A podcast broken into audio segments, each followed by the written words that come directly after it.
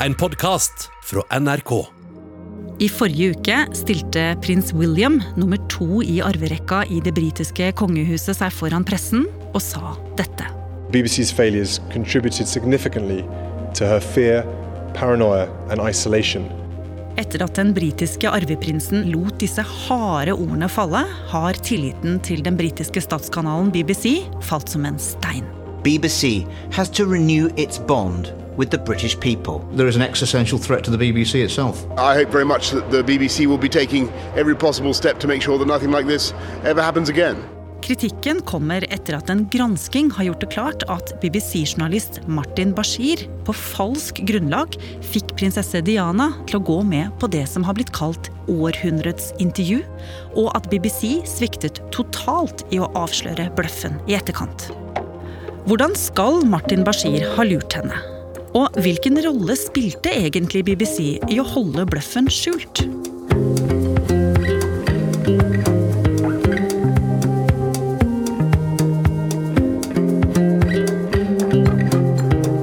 Du hører på Oppdatert.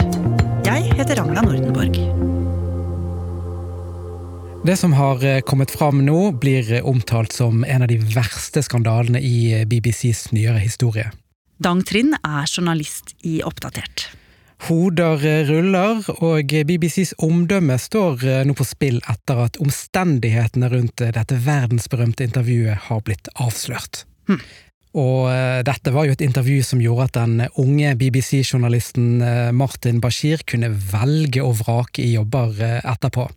Og det til tross for at BBC helt siden intervjuet med prinsesse Diana ble sendt i 1995, har sittet på veldig alvorlig informasjon om at intervjuet var kommet til på falsk grunnlag, langt unna pressens egne standarder. Ja. For hva var det egentlig som skjedde, Dang? 24. august 1995 ble Charles Spencer, altså broren til prinsesse Diana, kontaktet av BBC-journalist Martin Bashir. Han jobbet for programmet Panorama. De driver med sånn gravejournalistikk, og det kan sammenlignes med Brennpunkt i Norge. Hm.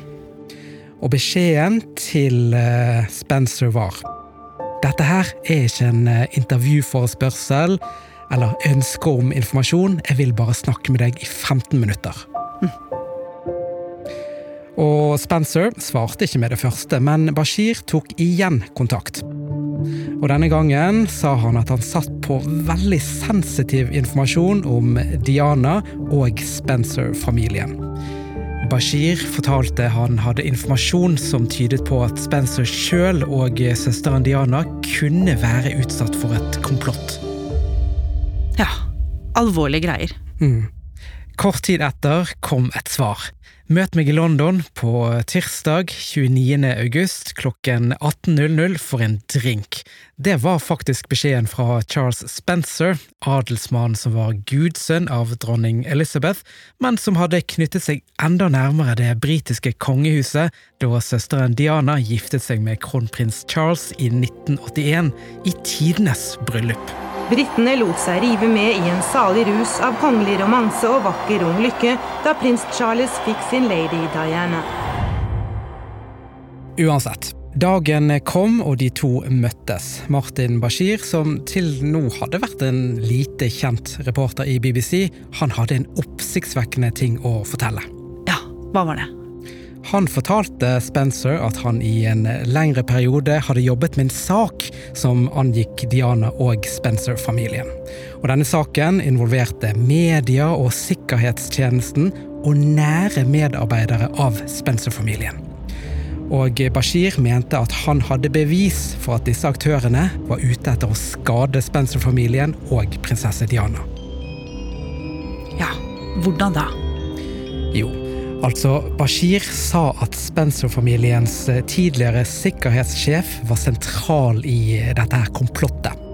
Og han hevdet at han satt på bevis som viste at denne tidligere sikkerhetssjefen fikk betalt av både et sikkerhetsselskap og mediemogul Rupert Murdochs selskap News International for å spionere på Diana og deretter lekke informasjon til sine oppdragsgivere.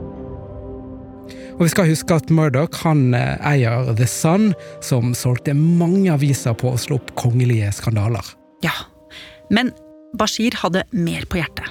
Ja ja, Bashir sa også at eh, prins Charles' egen sekretær satt på lydopptak som eh, avslørte at ekteskapet mellom Diana og Charles snart var over, og dette skulle han ha lekket videre til pressen. Ja, for i 1992 Tre år før disse to mennene møttes til en drink, hadde Diana og kronprins Charles sjokkert verden med å separere seg. Men det var stor usikkerhet knytta til om paret faktisk skulle skilles. Så også dette med skilsmisse må jo ha vært spennende å høre om for Dianas bror. Ja, Spencer syntes dette var så interessant at han ringte til sin søster, prinsesse Diana, og fortalte at han hadde vært i kontakt med en BBC-journalist, og mente hun kunne ha utbytte av å høre hva han hadde å si. Og det endte med at Diana snakket med Bashir på telefon, og de ble enige om å treffes ansikt til ansikt. Og den 19. september møttes Charles Spencer, Diana og denne unge journalisten Martin Bashir. Og hva var det de snakka om? Jo, Bashir presenterte Diana for hele 30 ulike punkter som skulle vise at Diana ble motarbeidet. Og Noe av dette hadde de jo hørt før, men nytt for Spencer var det at Bashir også kunne bevise at prinsesse Dianas egen sekretær også var en del av dette komplottet, og at han samarbeidet med Charles' sekretær. Mm. Og det siste kunne ikke Spencer få til å stemme helt. Det var noe som skurret litt. Og etter møtet beklaget han overfor eh, søsteren at han hadde introdusert hun for eh, BBC-journalisten. Ja, og Spencer eh, har jo fortalt i ettertid at han trodde at saken stoppa her. Ja, men sånn var det jo eh, ikke. For eh, siden separasjonen hadde Diana hatt et veldig vanskelig forhold til den konservative kongefamilien. Og med informasjonen hun fikk av Martin Bashir, begynte brikkene å falle på plass i hennes hode. Ja. Så uten at broren fikk vite om det, så holdt hun kontakten med BBC-journalisten Martin Bashir, og i all hemmelighet så avtalte disse to til slutt noe som var helt spektakulært for et medlem av et lukket og proft kongehus som det britiske, å stille opp på et intervju.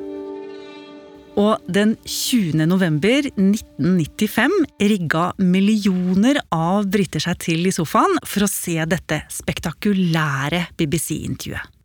Og det ble jo ikke spart på kruttet. Things became so difficult that you actually tried to injure yourself. Mm. Is that true? Yes, I did inflict upon myself. I didn't like myself. I was ashamed that I couldn't cope with the pressures. Hun snakket om bulimien sin. I had bulimia for a number of years. And that's like a secret disease you inflicted upon yourself because your self-esteem is to low ebb and you don't think you're worthy or valuable. Og ikke minst snakket hun om hvordan Charles' elskerinne, Camilla Parker Bowles, hadde vært en del av livene deres siden starten. Do you think Mrs. Parker Bowles was a factor in the breakdown of your marriage? Well, there were three of us in this marriage so it was a bit crowded.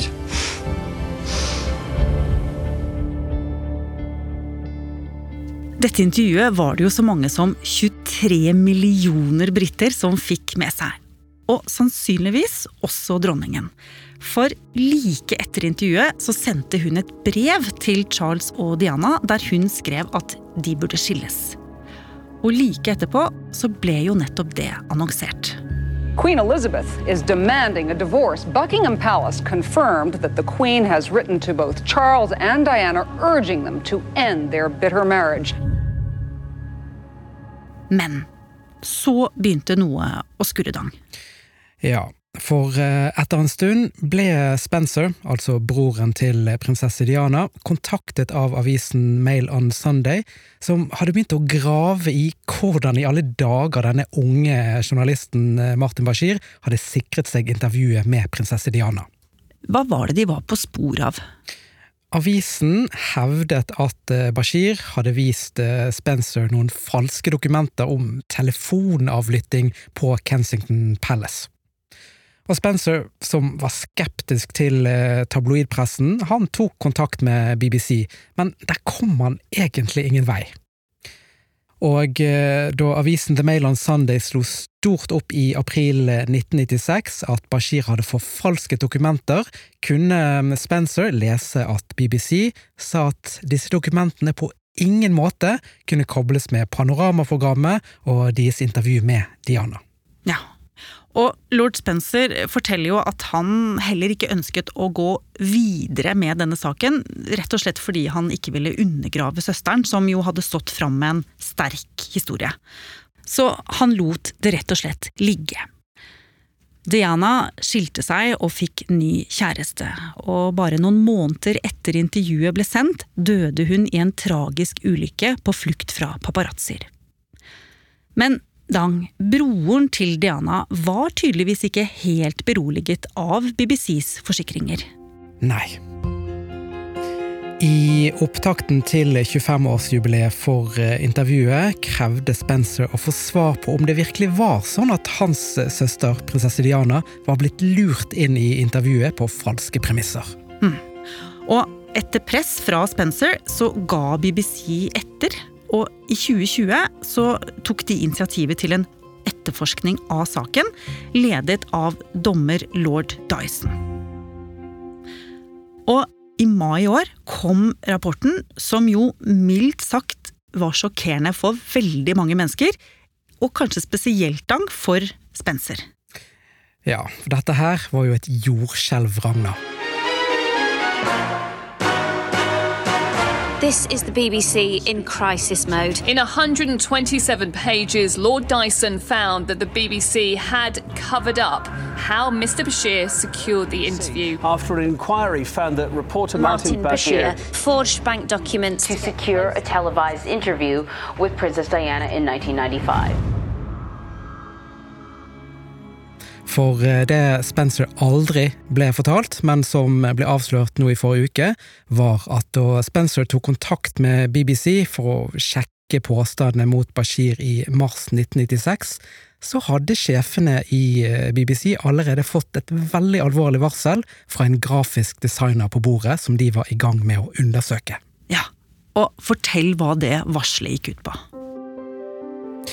En eh, sensommerkveld i slutten av august 1995 fikk den grafiske designeren Matt Weisler en telefon fra Martin Bashir, som han kjente fra Panorama-redaksjonen. Weisler hadde jobbet i eh, BBC og var nå i gang med å lage et eget selskap der BBC skulle være kunde. Og dette her var en sånn hastetelefon. Slipp alt du har i hendene, jeg har en jobb til deg, sa Bashir. Han ville at Weisler skulle lage to falske kontoutskrifter. Ifølge BBC sier Weisler at Bashir kom til leiligheten hans, og han hadde denne bestillingen. På den ene bankutskriften skulle det stå at News International hadde innbetalt 4000 pund, og på den andre at et Jersey-basert selskap kalt Penfolds Consultants hadde innbetalt 6500 pund. Alt dette til Alan Waller, som jo var Spencers tidligere sikkerhetsrådgiver. Og som jo var mannen Bashir hevdet drev med konspiratorisk virksomhet overfor Spencer og Diana, og som var brekkstanga inn i intervjuet. Nettopp. Og Weisler, den grafiske designeren, forklarte Bashir at denne jobben kom til å ta hele natten, og de to ble etter hvert enige om at eh, bankutskriftene skulle sendes med kurer til Heathrow klokken syv dagen etter, for eh, da skulle Bashir rekke et fly. Mm. Og eh, lord Dysons etterforskning viser at Bashir dro til Spencers hus samme morgen via Heathrow. Like etter ble det annonsert at Panorama hadde fått et intervju med prinsesse Diana. Og eh, som de fleste andre briter satte Weisler seg ned for å se på panoramasendingen. Han forteller at han eh, umiddelbart fikk en sånn dårlig følelse, og at de falske bankutskriftene han hadde laget, kunne ha noe med intervjuet å gjøre. Hva gjorde han med denne veldig dårlige følelsen? Han eh, skal ha oppsøkt eh, sjefen i Panorama og fortalt om oppdraget han hadde fått i tiden før intervjuet og at han fryktet at Bashir kunne ha brukt disse til å sikre seg det eksklusive intervjuet. Og like etter ble Bashir konfrontert.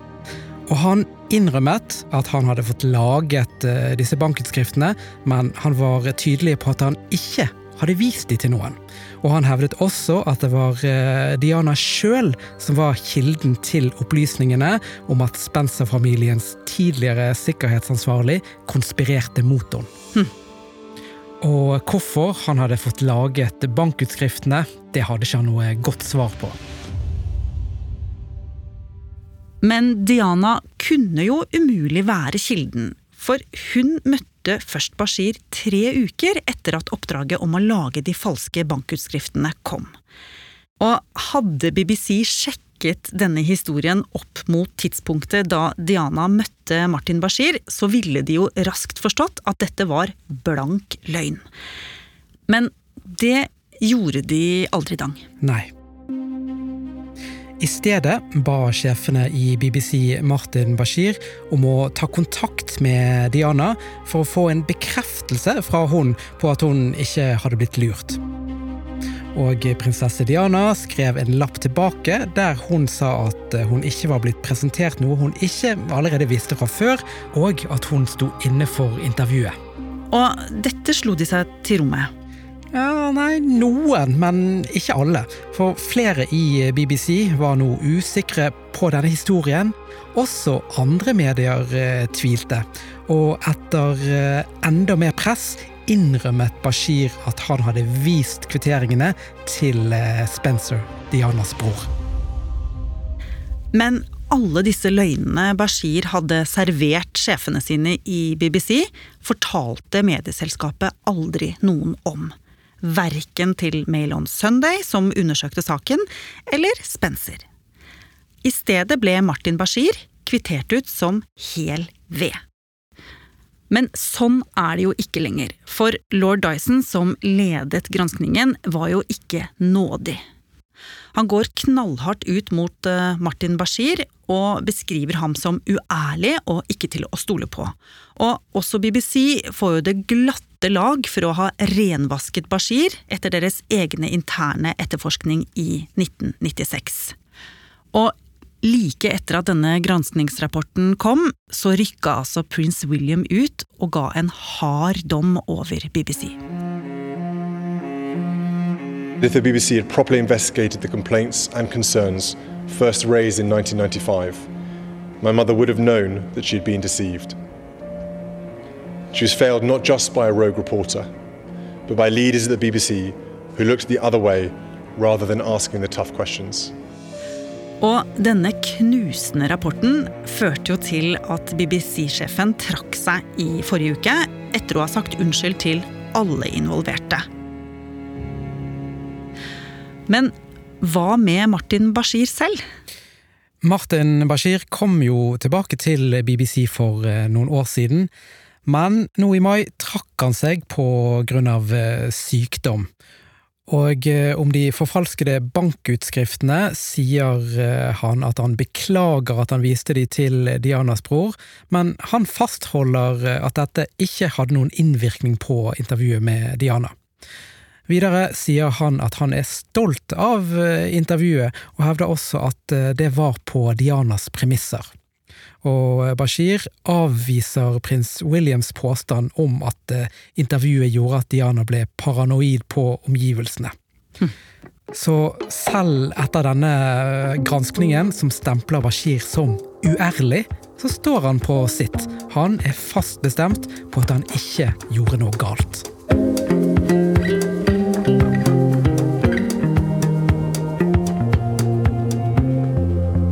Har du lyst til å bli fast lytter av oss i Oppdatert og få påminnelse om nye episoder, er det bare å følge oss i NRK radioappen. Og så er det veldig hyggelig hvis du vil anbefale oss til en venn. Oppdatert er en podkast fra NRK Nyheter. Og denne episoden er laget av Dang Trind, Bendik Hansen, Pål Gauslå Sivertsen, Andreas Berge og meg, Ragna Nordenborg. Knut Are Tornås er redaksjonssjef. Vil du kontakte oss, gjør gjerne det på oppdatert krøllalfa nrk.no. Du har hørt en podkast fra NRK. Hør flere podkaster og din favorittkanal i appen NRK Radio.